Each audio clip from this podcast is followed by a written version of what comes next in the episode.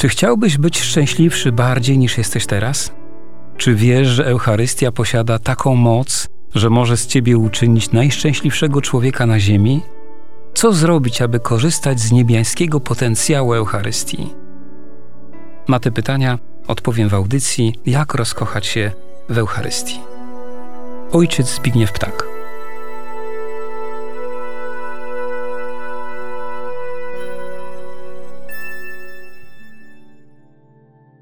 Dzisiaj ostatnie nasze spotkanie przed wakacjami. W naszych wspólnych rozważaniach dotykamy największej świętości na Ziemi. Świętości nieskończenie przekraczającej wszystko, co jest dla nas dostępne na tym świecie, a jednocześnie tak bliskiej świętości jak nic na tym świecie. Eucharystia jest jednym wielkim paradoksem żywego Boga, który wciela się w martwą cząstkę materii. W Eucharystii niemal wszystko przyprawia o zawrót głowy. W niej wszystko rodzi zadziwienie i zachwyt. To właśnie Eucharystia jest pełnią obdarowania, przekraczając tę pełnię.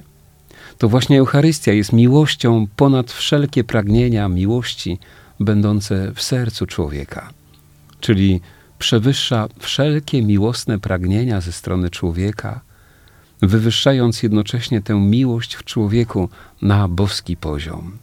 Eucharystia to najczystsza i najgłębsza na ziemi postać życia, ofiary i miłości.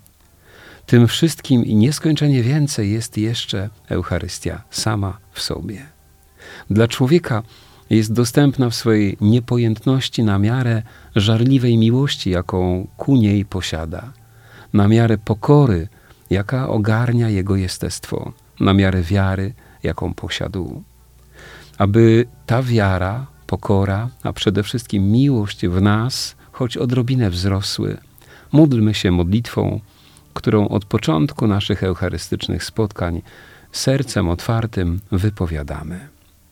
Wszechmogący Boże, ofiarujemy Tobie krew Jezusa Chrystusa, krew wszystkich męczenników, cnoty i zasługi Jezusa, Maryi, Józefa i wszystkich świętych, w połączeniu ze wszystkimi mszami świętymi, do tej pory sprawowanymi i tymi, które do końca dziejów będą jeszcze odprawiane, w intencji naszego zadziwienia się Eucharystią, w intencji naszej żarliwej miłości do Eucharystii, w intencji naszego głodu Eucharystii i w tej intencji, abyśmy nigdy nie ulegli rutynie. Amen. W minionym tygodniu mówiliśmy o modlitwie o pokój. Kościół w niej prosi o pokój i jedność dla siebie samego i dla całej ludzkiej rodziny. Dzisiejszy temat spotkania to ciąg dalszy modlitwy o pokój, czyli znak pokoju.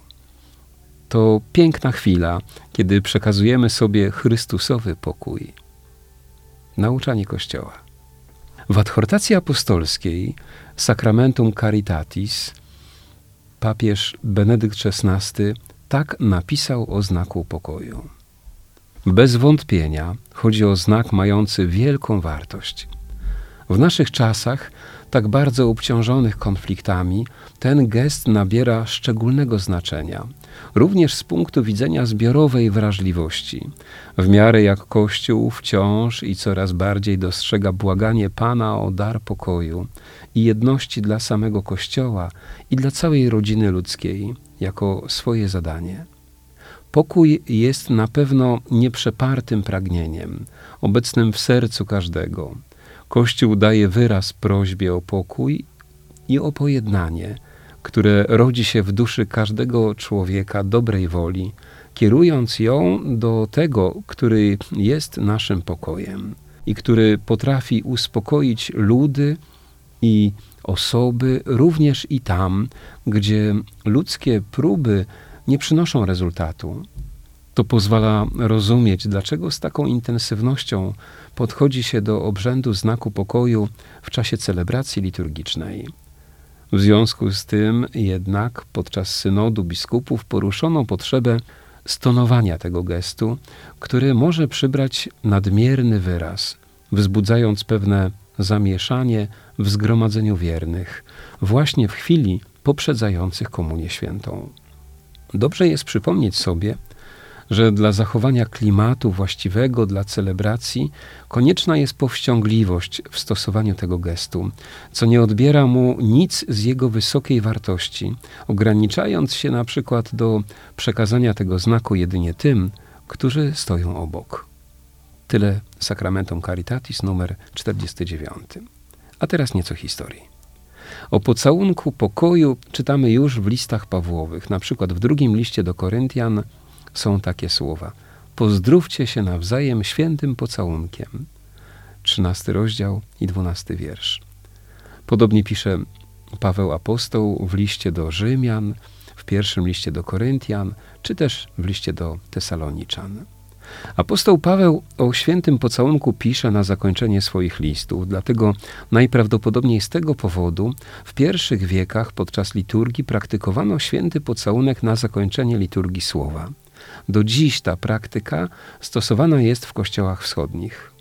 Droga neokatechumenalna uzyskała pozwolenie Stolicy Apostolskiej na taką samą praktykę, czyli pocałunek ma tam miejsce po liturgii słowa.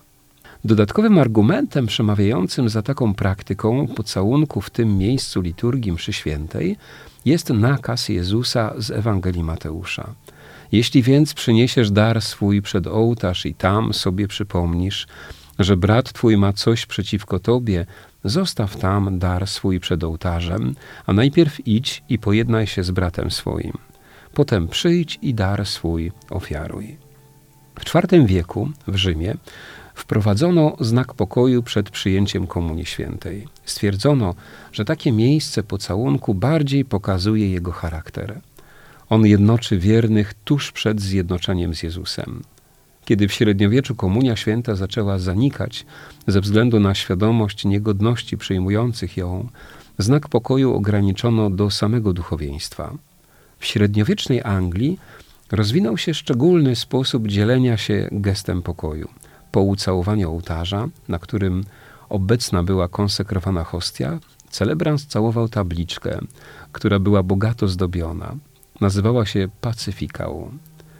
Tabliczka była przekazywana innym posługującym i zgromadzeniu, często według ścisłej kolejności opartej na randze społecznej. Zwyczaj ten wkrótce rozszerzył się na całą Europę. Rozwinięcie. W 2014 roku ukazał się list Kongregacji do Spraw Kultu Bożego i Dyscypliny Sakramentów na temat Zjednoczenie rytualne daru pokoju podczas mszy świętej. Papież Benedykt XVI we wspomnianej już adhortacji Eucharystii Sacramentum Caritatis zachęcił kompetentne kongregacje do przestudiowania tematu znaku pokoju. Uczyniono to ze względu na propozycję zachowania lub nie znaku pokoju w formie i miejscu, w którym się obecnie znajduje we mszy świętej. Przedstawimy teraz kilka myśli z tego bardzo głębokiego listu na temat tego obrzędu. W rzymskiej tradycji liturgicznej znak pokoju jest usytuowany przed Komunią Świętą. Znajduje ono swój punkt odniesienia w kontemplacji eucharystycznej misterium paschalnego, przedstawiając się jako pocałunek paschalny Chrystusa zmartwychwstałego, obecnego na ołtarzu. Obrzędy, które przygotowują do komunii, tworzą jedność. Znak pokoju znajduje więc swoje miejsce między modlitwą Ojcze Nasz – i łamaniem chleba, w którym prosi się baranka Bożego, aby udzielił nam swojego pokoju.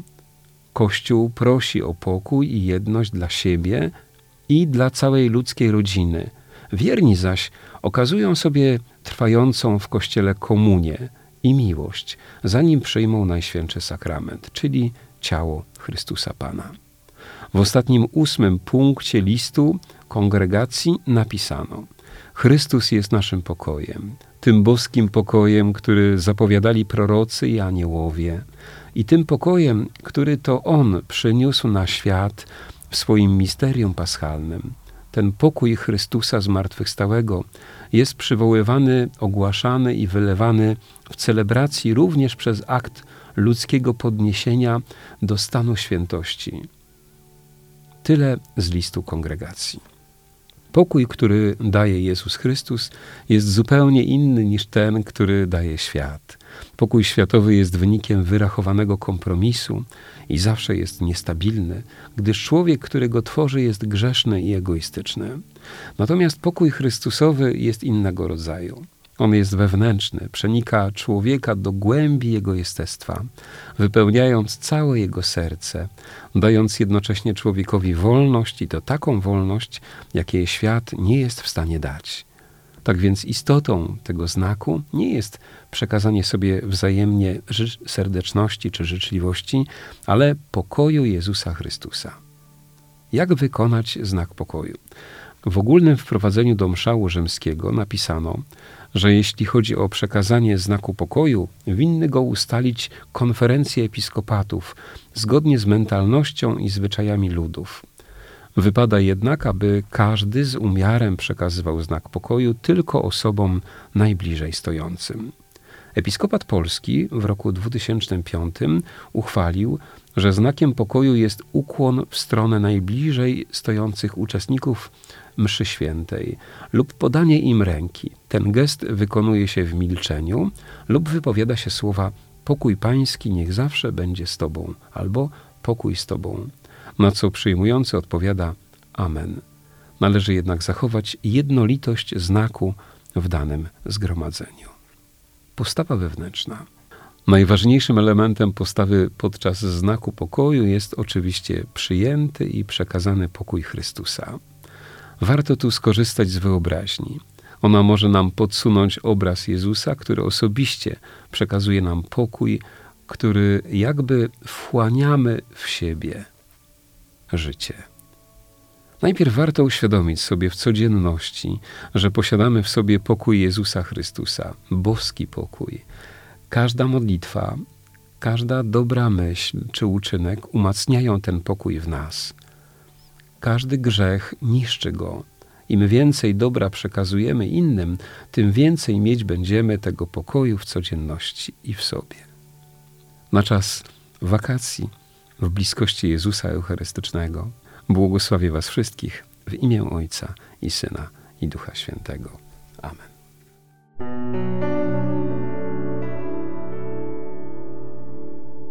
Czy chciałbyś być szczęśliwszy bardziej niż jesteś teraz? Czy wiesz, że Eucharystia posiada taką moc, że może z ciebie uczynić najszczęśliwszego człowieka na ziemi? Co zrobić, aby korzystać z niebiańskiego potencjału Eucharystii?